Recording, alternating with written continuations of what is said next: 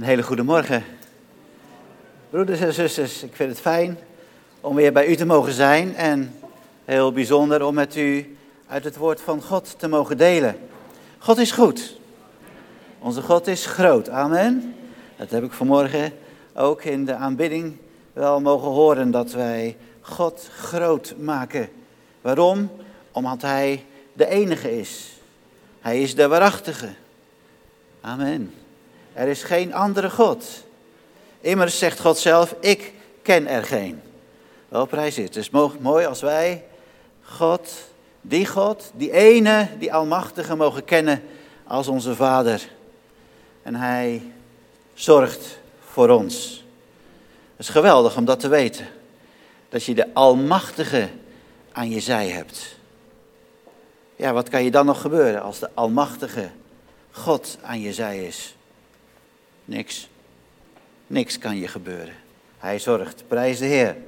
Wel, vanmorgen wil ik een stukje met u lezen uit de brief van Paulus aan de Colossensen. Colossensen, uh, dan het vierde hoofdstuk. Uh, en de versen 2 tot en met 6. Colossense hoofdstuk 4, vers 2 tot en met vers 6.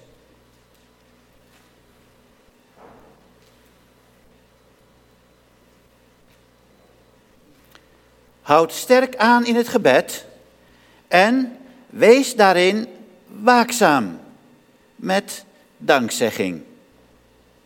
Bid meteen ook voor ons dat God voor ons de deur van het woord opent om van het geheimenis van Christus te spreken, om welke oorzaak ik ook in de gevangenis ben. Opdat ik dit geheimenis mag openbaren, zoals ik erover moet en kan spreken. Wandel met wijsheid bij hen die buiten zijn en buit de geschikte tijd uit. Laat uw woord altijd aangenaam zijn, met zout, smakelijk gemaakt, opdat u weet hoe u iedereen moet antwoorden. Tot zover dit stukje uit het woord van God. Paulus heeft een bijzondere kijk op het brengen van het evangelie. We hebben allemaal de opdracht gekregen om uit te gaan, ons licht te laten schijnen in deze wereld, het evangelie uit te dragen. Iedereen heeft daartoe de opdracht die de Heer Jezus kent als zijn of haar persoonlijke verlosser en zaligmaker. En Paulus, die, ja, die heeft een bijzondere, een frisse blik daarop. Um, in deze brief en in de situatie waar Paulus, maar ook Aristarchus en Epaphras en Lucas en Timotheus zich bevinden, is, ja, zij, bevinden zich eigenlijk in een oorlogssituatie. Zij voeren een strijd, zoals je kunt verbeelden, een, een oorlog. Een, een oorlog is een, is, een, is een strijd met wapenen, met, met allerlei middelen die je hebt om die strijd te kunnen overwinnen. En Paulus, die met zijn team, zal ik maar zeggen, die dat zijn, die zijn eigenlijk de stormtroepers. Zij zijn vooruitgeschoven om die strijd aan te gaan en deuren te openen, zodat het evangelie verder gebracht kan worden. Het gaat hier dus om een strijd. En als uh, Paulus en zijn medebroeders in de gevangenis zitten, daar, want zij zitten daar in de gevangenis, dan zijn ze eigenlijk krijgsgevangenen. Krijgsgevangenen. En ja, zij zijn tegengehouden. De deur is dicht en ze kunnen niet verder het evangelie doorgeven en mensen vertellen van het werk wat de Heer Jezus heeft gedaan. Maar dat is wel een opdracht en ze willen verder. En het lijkt wel alsof in deze situatie de vijand een tactische overwinning heeft behaald door Paulus en zijn medebroeders in de gevangenis te zetten, zodat ze niet verder kunnen. Maar wat gebeurt er? Paulus zit daar in de gevangenis en hij krijgt de gelegenheid, de mogelijkheid om een brief uit te sturen naar, in dit geval, de gelovigen eh, in Colosse, de Colossensen. Er is dus een lichtpuntje, want hij, in die brief vraagt hij de Colossensen om voor hen te bidden. Bidden, broeder en zuster, is het krachtigste instrument wat God zijn kinderen gegeven heeft in de strijd. Amen. Weet u, we zeggen wel eens als we een beetje in een situatie zitten die het dreigt een beetje te verzanden, we komen er niet helemaal uit, dan zeggen we soms tegen elkaar van ja, weet je, het enige wat ik nog kan doen is voor je bidden. Dat klinkt een beetje laatdunkend. Maar broeder en zuster, het gebed is niet zomaar het enige wat we nog kunnen doen. Het is het eerste en het krachtigste wat wij in onze, ja, in onze gereedschapskist hebben. Het is niet, ach, we kunnen, ach, we kunnen ook nog wel voor je bidden. Nee, bidden is, ja, daar gaat kracht vanuit. En Paulus weet dat. Paulus stuurt een brief aan de Colossensen en zegt: bid ook tegelijk voor ons. Weet u waarom ons gebed soms een beetje krachteloos is? Wel, de, dat, dat, dat, het gebed wat God ons gegeven heeft, dat is als het ware in die strijd. We zijn, we zijn zeg maar, aan het front. En, en, en, en, en er zijn stormtroepers, die zijn vooraan, die zijn vooruitgeschoven. En wij zijn zo'n beetje de achterhoede. En achter ons heb je het commandocentrum. En het gebed in deze situatie, in, deze, in dit beeld van de oorlog die wij moeten voeren, de strijd die wij moeten voeren, is het gebed als het ware die veldtelefoon. Die veldtelefoon die wij gebruiken om zeg maar, het commandocentrum te hulp te roepen op het moment dat we in de problemen zitten. Op het moment dat we niet verder kunnen. Maar wij gebruiken die veldtelefoon veel te vaak als een soort huistelefoon. Dan als u thuis bent en u hebt zin in een kopje thee, dan belt u en dan belt u naar de ober en zegt je, wil je mij alsjeblieft een kopje thee komen brengen? Wij gebruiken hem veel te veel als een soort comfort voor onszelf. Maar dat gebed is bedoeld om strijd mee te voeren en strijd, zeg maar, dus in de strijd, het, mag ik zeggen, het commandocentrum aan te roepen om ons te hulp te komen met artillerie, met luchtsteun en met grote strategische kennis. Amen. Dat gebed is dus die veldtelefoon die wij zo moeten hanteren. En Paulus zegt dus, als het ware, roep, gebruik jullie veldtelefoon en roep hulp in van het commandocentrum, zodat wij luchtsteun krijgen, zodat we artillerie, artilleriesteun krijgen, zodat ze met strategische gedachten ons kunnen helpen en, en dat er als het ware een, eh, een, een raket of een, of, een, of een granaat over ons heen komt en precies op die coördinaten valt waar die deur is en dat hij die deur uit zijn hengsels blaast en dat wij weer naar buiten kunnen en verder kunnen gaan. Daar is je veldtelefoon voor bedoeld. Oh, prijs de Heer. En wij, nou, wat kunnen wij nu, wie, wie, zijn nu die stormtroepers? Nou, dat zijn bijvoorbeeld de zendelingen die wij mogen ondersteunen.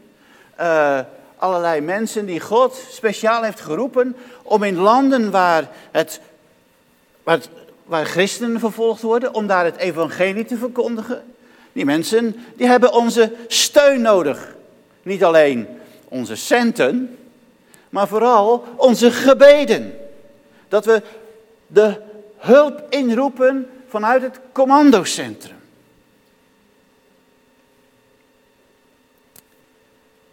En Paulus, in dit stukje, zegt hij ook hoe wij moeten bidden. Hij, zegt op een gegeven moment, hij legt ook uit waar, waarvoor wij moeten bidden, wat wij moeten bidden. Maar in eerste instantie geeft hij ook aan hoe wij moeten bidden. Waar wij op moeten letten als wij bidden. Nou, dat, dat wat, waar we voor moeten bidden, dat zal ik vanmorgen niet met u doornemen, want dan wordt het veel te lang. Maar ik wil wel met u kijken naar hoe, zegt Paulus, dat wij moeten bidden. Waar moeten wij op letten? Als zij, die stormtroepers, daar aan het front zitten en wij zijn de achterhoede, dan zijn wij dus indirect betrokken bij het verkondigen van het evangelie. Indirect zijn we daarbij betrokken. En we zijn zo ontzettend belangrijk. Het resultaat daar aan het front is afhankelijk van ons toepassen, gebruiken van die veldtelefoon. Wij zijn ontzettend belangrijk in die strijd die gevoerd wordt in die landen waar christenen vervolgd worden. Waar zendelingen bezig zijn om het evangelie door liefde en door, door allerlei dingen voor mensen te mogen doen, het evangelie uit te dragen. Wij hebben de verantwoordelijkheid om hen te steunen met gebed.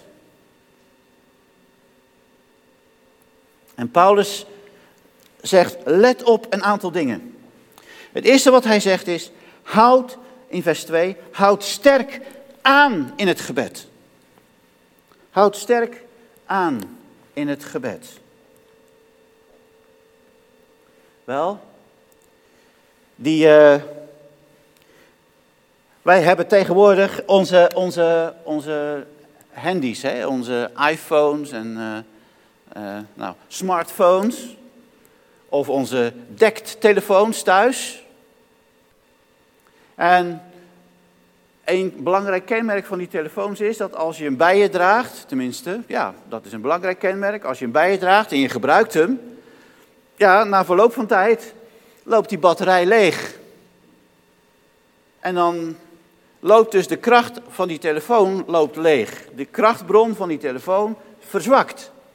En hoe meer je hem gebruikt, hoe sneller die verzwakt. En uh, als je hem uh, weer wilt opladen, dan moet je hem thuis laten en dan moet je hem aan het stroom leggen en dan laat hij weer op. Maar als je dan weggaat, heb je hem niet bij je. Dan ligt hij aan de stroom. Nou, die veldtelefoon die God ons heeft gegeven, is precies het tegenovergestelde. Precies het tegenovergestelde. Die veldtelefoon is eigenlijk zo, hoe meer je die gebruikt, hoe krachtiger die wordt. Amen. Die veldtelefoon, die moet je niet als je weggaat thuis aan de muur hangen om op te laden. Nee, die laat juist op, wordt juist steeds krachtiger als we hem meenemen en hem heel de dag bij ons houden en heel de dag toepassen. Gebruiken. Om, om, om bijvoorbeeld ons te leiden door het mijnenveld. Van allerlei verleidingen. Maar ook om regelmatig uh, te zien, hé, hey, ik krijg een oproepje van het commandocentrum. Wel prijs de Heer. Dus die veldtelefoon, die moet gebruikt worden. Die moet voortdurend gebruikt worden. En hoe meer u hem gebruikt, hoe krachtiger die wordt. Amen. Prijs de Heer. Dus Paulus zegt, houd vol, houd vol, houd vol. Voortdurend, voortdurend. Als je in je auto zit, of op je fiets, wel, prijs de Heer. Dan, uh, ja, dan mag je God groot maken. Ik, ik heb een beetje de gewoonte, omdat ik niemand anders daarmee wil vermoeien. Maar als ik dan in de auto zit, nou dan, ja, ik weet niet. Dan, dan ga, ik in tongen zingen. En op een gegeven moment ben ik helemaal de melodie kwijt. Maar, maar niet. Ja, ik, ik ben alleen en ik, ik, ik prijs God in mijn auto. Het is geweldig om God groot te mogen maken. Als je in tongen zingt, hoef je daar ook niet bij na te denken. Dus je kan, je kan gewoon je blik op de weg houden. Hè? God geeft je die woorden en je zingt. En, en je merkt gewoon, ik word er blij van. Ik word daar blij van. Wel, prijs de Heer. Dus dat betekent niet dat, dat je dus niet kan bidden of, of wat dan ook als je in je auto zit of op je fiets. Nee, wij mogen onze veldtelefoon gebruiken in de auto. Ja? Daar krijgen we geen bekeuring voor. Prijs Heer. Je mag op de fiets gebruiken. Wel, prijs Jezus. Dus houd aan, houd aan. Weet u?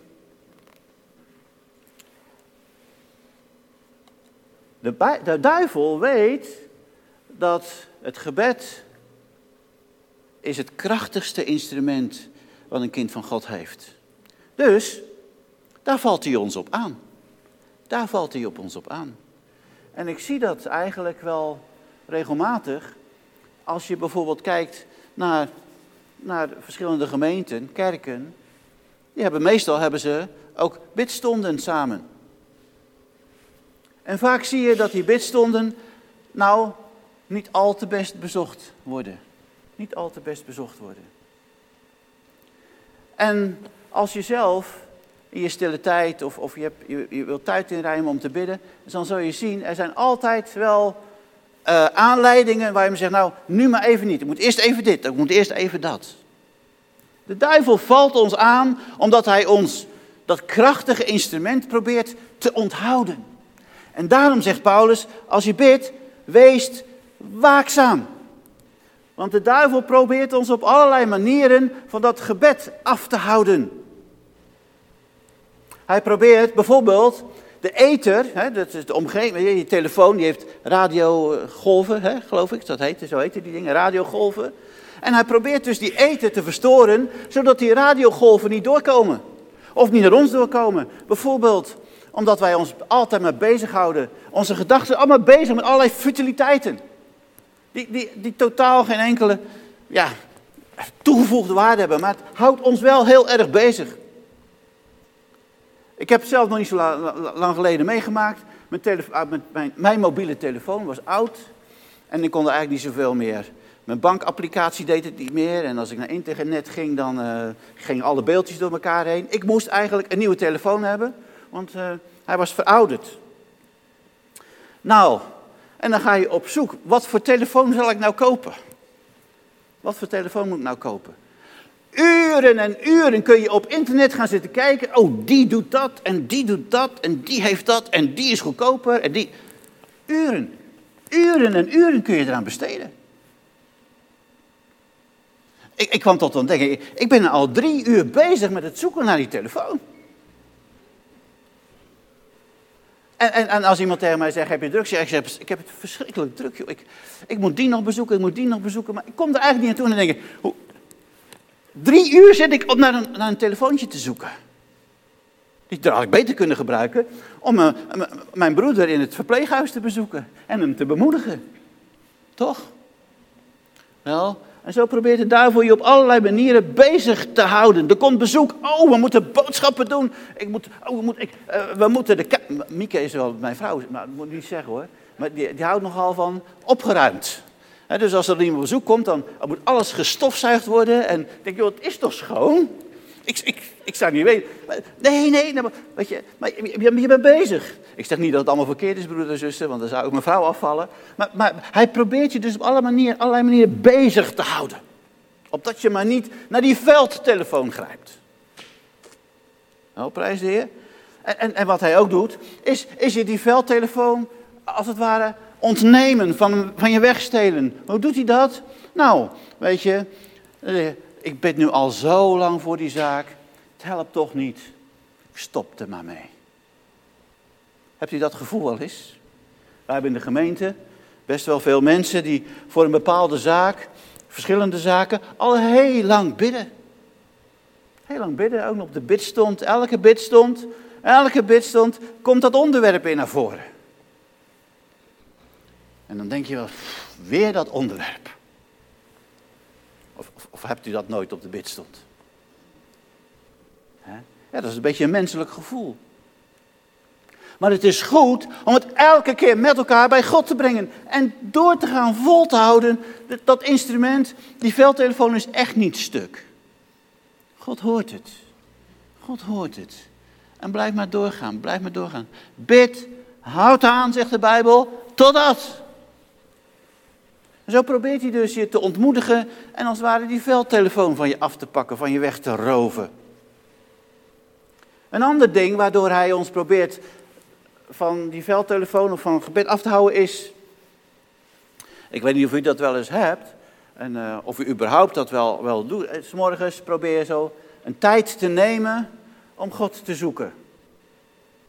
En uh, ik ben in de gezegende omstandigheid dat ik fulltime voorganger ben. Dus ik kan s'morgens, ik moet ook denk ik, s'morgens meer tijd nemen, samen met mijn vrouw, om God te zoeken. Voor de gemeente, namen te noemen, nou, voor de omgeving, voor de wereld, voor Nederland. Zo, hè? En, en, en als je dan, uh, dan heb je wel van die momenten dat je dreigt in slaap te vallen. Ja, dat heb je toch? En dan probeer je die strijd aan te gaan en dan je ogen open te houden. En... Maar weet u, de duivel is slim. Die strijd hebt u waarschijnlijk de avond tevoren al verloren. Want de avond tevoren had u een boek en u zei, ja, dat boek, dat pakt je zo. Dan blijf je zo in bed. Ja, het, is, het, het, het is elf uur, het wordt half twaalf, het wordt twaalf uur, het wordt één uur, het wordt half twee. En je bent maar in dat boek bezig.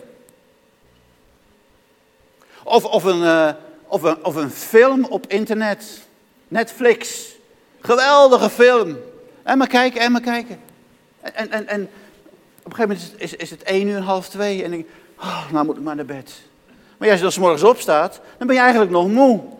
Dan ben je nog moe en als je dan moet bidden, dan val je in slaap. Herkent u het een beetje? Weet u, die strijd heeft u dus de volgende, vorige avond al verloren.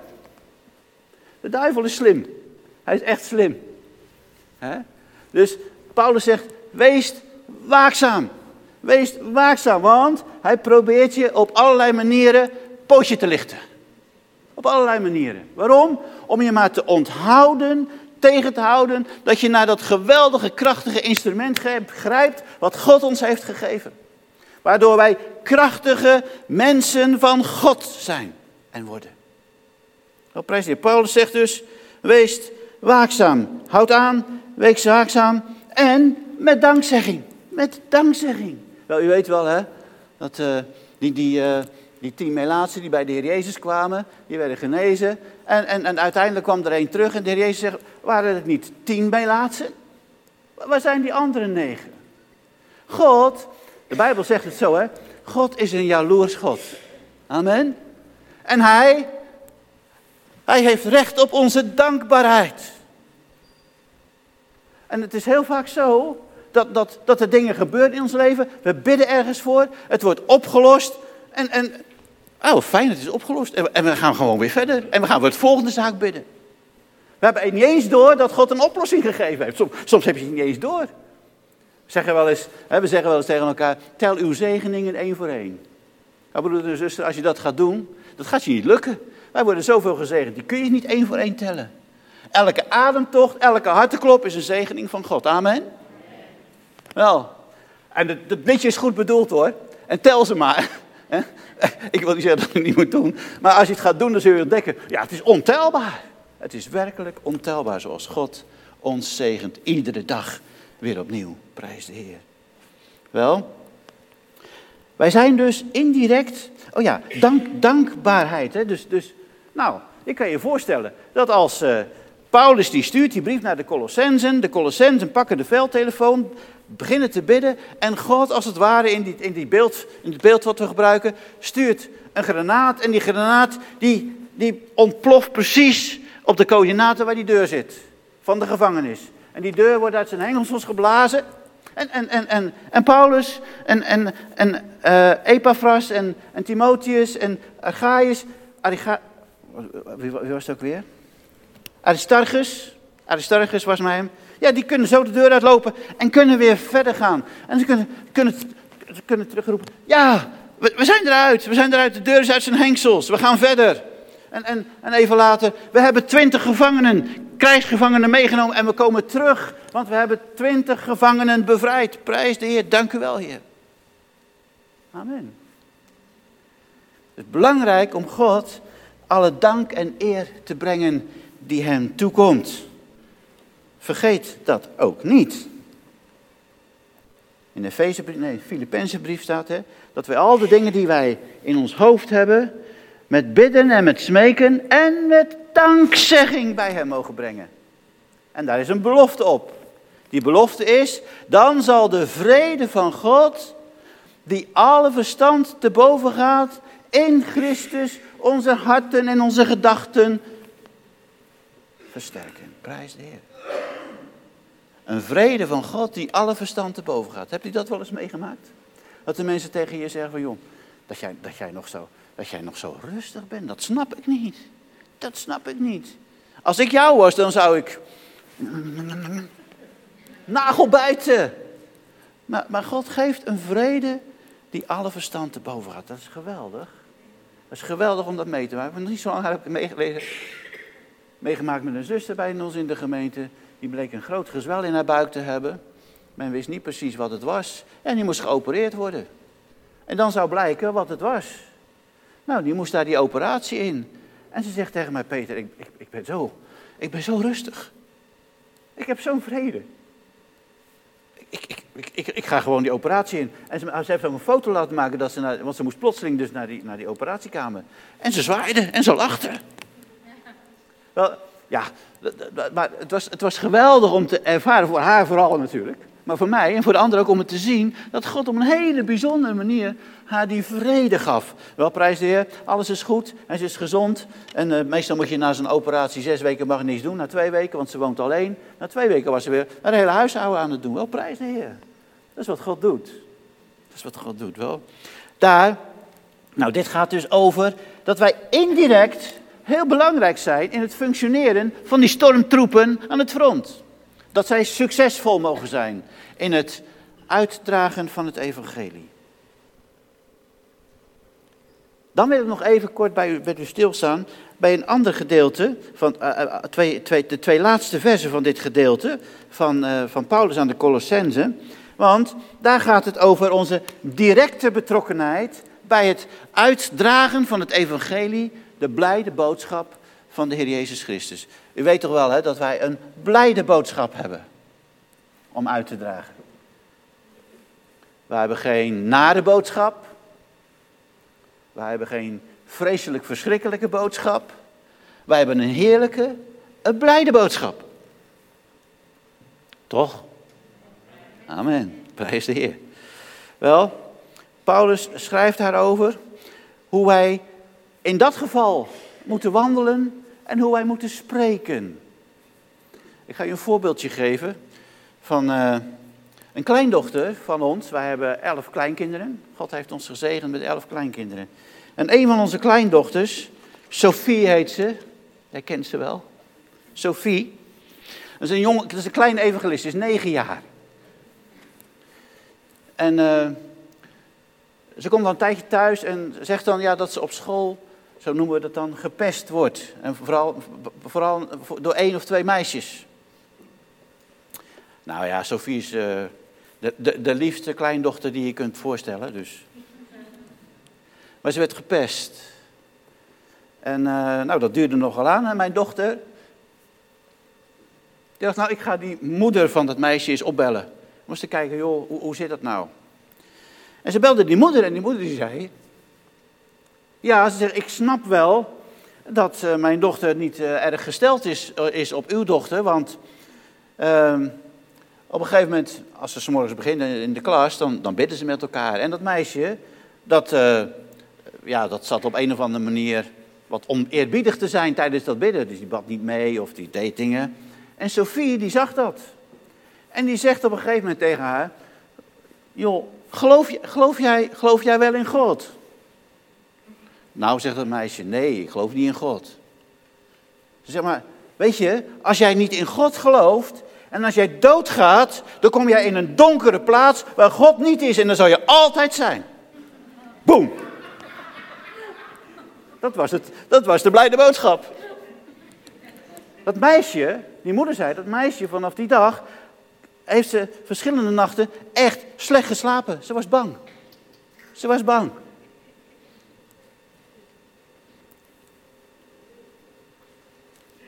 Zo moeten wij dus die boodschap niet uitdragen.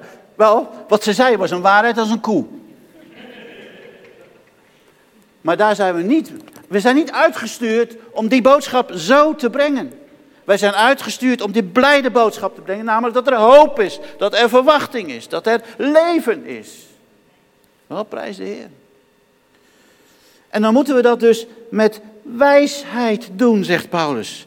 En vooral, zegt hij, Laat uw woorden aangenaam zijn met zout, met Nou, ik zit, hier zitten heel veel, ja, moet ik het zeggen, Indische, Indonesische, Molukse mensen, nee? Ja, nou, die weten wat kruiden is, hè?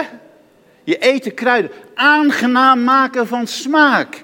Zodat als het ware, als hij dat aanbiedt aan de mensen, dat ze beginnen te watertanden. Ze willen daarvan eten, want het ruikt heerlijk en het, en het smaakt heerlijk. Ze gaan ervan watertanden.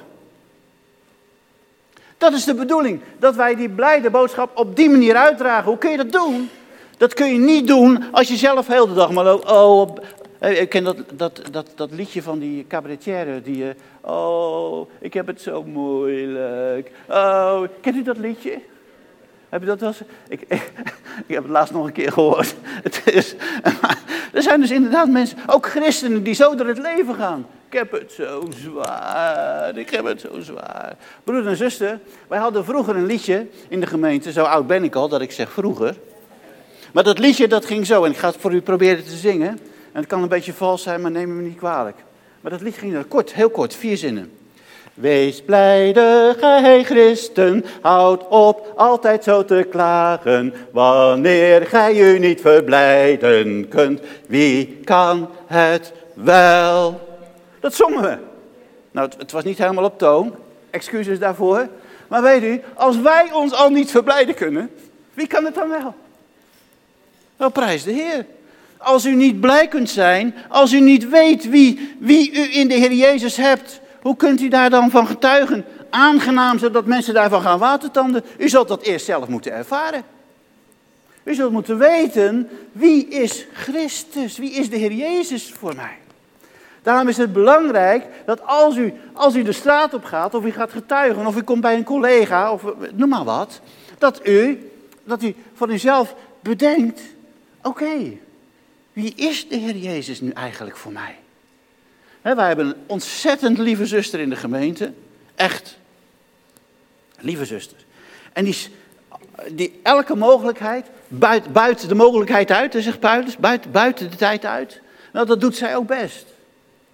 Maar als zij het evangelie verkondigt, dan het eerste meestal wat ze tegen mensen zegt, die, die, die weinig met het geloof hebben. Maar weet je, zegt ze, weet je wel dat Jezus snel terugkomt? En dat je dan klaar moet zijn. En, en dat er dan heel veel naars gebeurt in deze wereld. En, en, en, dat, en, dat, en, en, en, en dat de mensen zullen zeggen, bergen bedekken ons, heuvelen komt over ons. Het is een soort, angst, hè? Uh, angst spreken. En, en dan gaat ze proberen aan die mensen, zeg maar, die eindtijd waar de Bijbel over schrijft uit te leggen. En ik heb het meerdere keer tegen deze zuster gezegd. Zuster, weet je, mensen zitten niet te wachten op uw theologie. Mensen zitten te wachten op uw getuigenis. Wie is Jezus voor u? Daar gaat het om. Daar, daar, daar maak je mee dat mensen gaan watertanden zeggen. Wat jij hebt, dat wil ik ook. Daar moeten we dus goed over nadenken. Dat valt best helemaal niet mee hoor. Om precies te vertellen wie Jezus nou voor u is.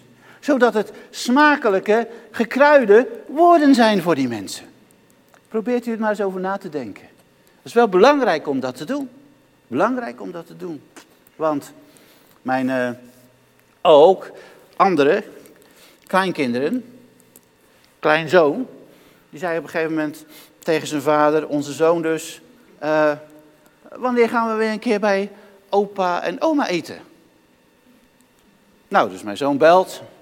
Mieke, mijn vrouw, neemt op. En zegt, ja, Elia zegt, uh, wanneer gaan we, mogen we weer een keer bij jullie eten? Nou, dan hoef je tegen mijn vrouw maar één keer te zeggen. Nou, oké, wanneer spreken we af? Volgende week vrijdag. Goed, volgende week vrijdag komen ze eten. En dan, uh, nou dan, uh, Mieke die begon om, is om don, op donderdag al begonnen met het eten klaar te maken. En zo'n beetje heel de vrijdag is ze bezig geweest. En uh, nou, ze kwamen eten. En we waren aan het eten. En onze kleindochter, een andere kleindochter dan Sophie, die zegt tegen mij: Opa, zeg, u, u bent toch wel heel erg blij hè, dat oma zo lekker kan koken? Kijk, ik kan me voorstellen dat als ze thuisgekomen zijn, dat ze tegen, tegen onze zoon vragen: Papa, wanneer gaan we weer bij opa en oma eten? Weet je, dat, dat, dat, dat, dat, dat smaken, dat, dat mensen weer opnieuw daarvan willen proeven, dat is belangrijk. Dus Paulus zegt, laat je woorden aangenaam zijn. Laat ze gekruid zijn. Laat ze gezout zijn. Zodat mensen er naar gaan verlangen om er meer van te horen. Meer van te weten. En zelfs te zeggen: Ik wil daar ook wel aan die maaltijd deelnemen. Ik wil daar ook deel van gaan uitmaken. Wel, dat is de manier waarop Paulus zegt: Zo moeten wij het evangelie bekendmaken. En dat hoeft niet altijd met woorden, natuurlijk niet. Dat mag ook gewoon in de dingen die u doet. Als u heel de dag loopt zo van, oh ik heb het zo moeilijk. Maar dat is geen getuigenis. Dat is geen getuigenis. En het betekent ook dat u eigenlijk niet goed weet waar u uw kracht vandaan moet halen. U moet uw kracht putten uit de krachtbron. En die krachtbron die is in u. Amen. Johannes 14 staat dat de Heilige Geest is in ons gekomen om voor eeuwig bij ons te blijven. Dat is onze krachtbron. Dat is onze krachtbron. En, en, en, en, en daar moet u natuurlijk wel op aangesloten blijven. We merken wel dat, dat iemand zei tegen mij, ja, waarom, als, als de Heilige Geest in ons woont, waarom zijn we dan niet volmaakt? Want hij kan ons toch gewoon volmaakt maken? Dat is een lastige vraag, maar één ding weet ik wel. Als wij volmaakt zouden zijn, hebben wij de Heer Jezus niet meer nodig. Nee, want als we volmaakt zijn, dan zouden we ons dus aan de wet houden. En de Bijbel zegt dat als je de wet houdt, dan leef je.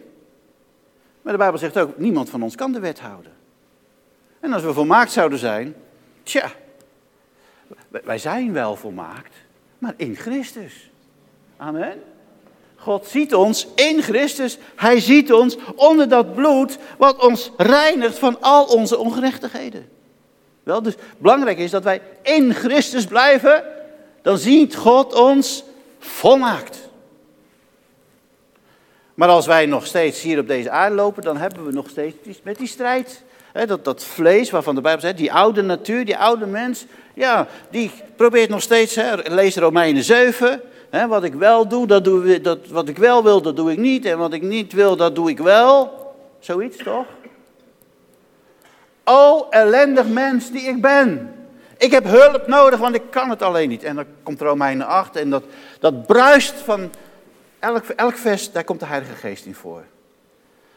En de Heilige Geest geeft ons kracht tot overwinning.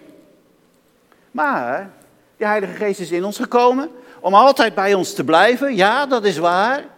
Maar, daarom zeg ik wel eens, we hebben een liedje, ook weer zo'n liedje, en daar vragen we dan eigenlijk uh, of, of God uh, bij ons blijft. Ik, ik, ik, ik ken nu even niet uh, de woorden. Hè? Maar het is een beetje, een beetje gebaseerd op, op Psalm 51, boetepsalm van David. Waarbij David zegt, nadat hij zijn zonde beleden heeft, dat God de Heilige, zijn Heilige Geest toch niet van hem af zou nemen. Broeder en zuster, als Gods geest, dat zegt de Bijbel, als Gods geest in u is komen wonen, dan is hij in u komen wonen voor eeuwig. Amen. Er is wel iets wat u, waar u invloed op kunt uitoefenen en dat is de kracht van Gods geest in u. Want de Bijbel zegt wel dat wij moeten oppassen dat wij de geest niet doven. Toch? Dus de geest van God kan in ons wonen, maar het kan, het kan, een, het kan een, een klein kolenvuurtje zijn. wat een beetje gloeit, maar meer niet. Maar het kan ook, we kunnen het ook er zuurstof bij brengen. En dan gaat het opvlammen en dan wordt het een geweldig groot vuur in ons, een krachtig vuur. Wel, in die toestand zijn wij verschillende keren. Tenminste, als ik eerlijk ben, en dat hoop ik, dan moet ik ook zeggen, ik heb ook momenten eh, dat ik, dat ik voel dat die kracht vurig is in mij, maar ik heb ook wel momenten dat, dat het een beetje, een beetje minder is.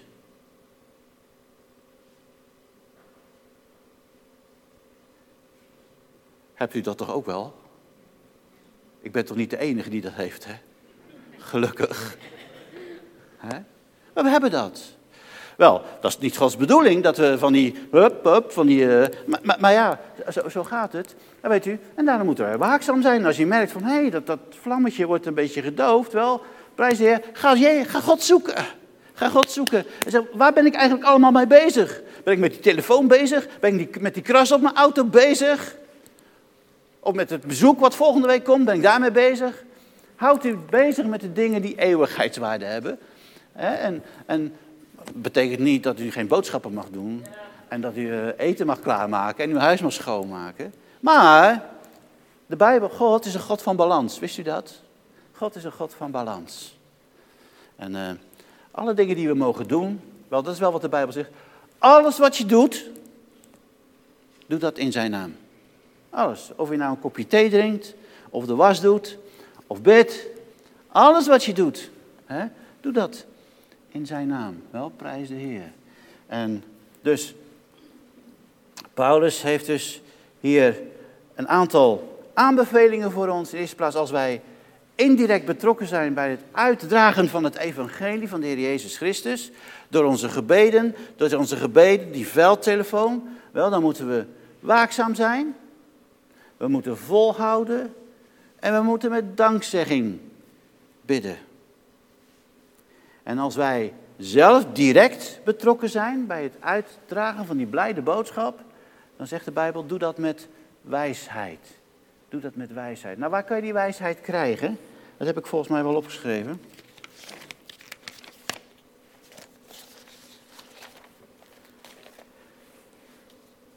Dat is onder andere in Gods woord lezen.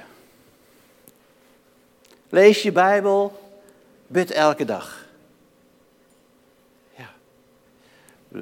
Ik, ik, soms sta ik echt verbaasd. Dan we hebben een Bijbel, Bijbel uh, studieclubje.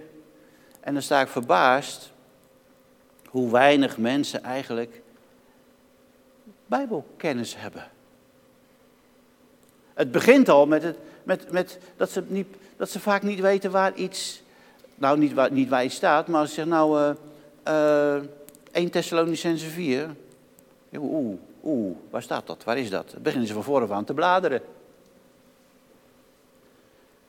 Het is heel belangrijk dat we Gods woord in ons opnemen. Dat we Gods woord als het ware opeten, zodat het, een, dat het iets van onszelf wordt. En op het moment dat je in een situatie komt waar je, waar, waar, waar, je, waar je tot God roept, dan, dan, dan merk je, dan, dan komen die dingen komen automatisch naar boven. Als de Jezus in de woestijn is en de duivel valt hem aan, dan, nou, dan komen, die, dan komen die, die, die gedeelten uit Deuteronomium, die komen zomaar naar boven. Wel, dat kunnen wij ook ervaren als we dat nodig hebben, dat we Gods woord mogen citeren op het moment dat de duivel ons probeert aan te vallen. Maar dan moet u wel Gods woord hebben gegeten en blijven eten. Psalm 19 zegt, de getuigenis van de Heere, dus het woord van God, is betrouwbaar. Zij geeft de eenvoudige wijsheid. Dus als je Gods woord eet, je eet het en je eet het en je eet het, dan krijg je wijsheid. Dat is geen intelligentie. Dat is een wijsheid die je van God krijgt. De eenvoudigen geeft hij wijsheid. En door gebed. Als iemand van u in wijsheid tekortschiet, laat hij die dan aan God vragen. Die aan ieder overvloedig geeft en geen verwijten maakt. En ze zal hem gegeven worden. Dus als u om wijsheid verlegen zit, vraag het hem. En hij geeft het u. Vraag het hem en hij geeft het u. Ook door een veelheid van raadgevers komt het nodige tot stand. Je kunt ook mensen vragen mensen als raadgever vragen. Het is belangrijk dat je niet altijd alles alleen probeert te doen. Van, hè? Zoals die mensen die, die dan zeggen van, uh, oh, uh, ik, ik, ik, nee, ik ben helemaal niet eigenwijs, maar mijn manier is gewoon beter. Hè? Kent u die mensen? Hè? Weet u, Wij moeten niet eigenwijs zijn. God geeft mensen aan elkaar om elkaar te helpen. En zo kan hij ook adviseurs geven. En uh, zoek dan wel mensen waarvan je weet dat ze ook inderdaad adviseurs kunnen zijn. Maar God zegt, uh, door een veelheid van raadgevers komt het nodige tot stand. En, de rest, en voor de rest, ja, door ervaring, wijsheid, hè, is een beetje, nou niet altijd hoor, we zeggen is een beetje synoniem met levenservaring. Hè? Hoe meer levenservaringen je hebt, hoe meer wijsheid je mag verwachten van zo'n persoon. Maar ja, dat is niet altijd zo. Dat is niet altijd zo. Ik denk, als Gods geest in een, uh, in een negenjarige woont, zoals onze Sophie, dan uh, kan die wel eens meer wijsheid tonen dan iemand die al 80 jaar op de weg is. Kan. Dat kan. Maar door onze volgen van de Heer Jezus kunnen wij dus opgroeien tot volwassen zonen en dochteren van God. En dan gaat Gods denken ons denken worden. Amen. Dan mag je vertrouwen dat, dat door, door die vele ervaringen die je hebt met God die in je woont, dan gaat dat denken van jou, gaat zeg maar gelijk lopen met het denken van God. Wel, prijs de Heer. Dan, dan, mag je, dan mag je weten, ja, wij worden volwassen zonen en dochteren van God. Wij, wij, mag ik het zo zeggen? Dan hoef je niet elke keer te vragen van, Heer, wilt u mij, uh, ik moet een beslissing nemen. Wilt u mij uh, uh, een teken geven of zo? Dat kan, dat is niet verkeerd. Maar het kan ook heel veel zijn dat je mag verwachten dat God je denken leidt. Heer, ik zoek u, ik wil u dienen en ik dank u wel dat u mij denken leidt en dat ik de juiste beslissingen mag nemen.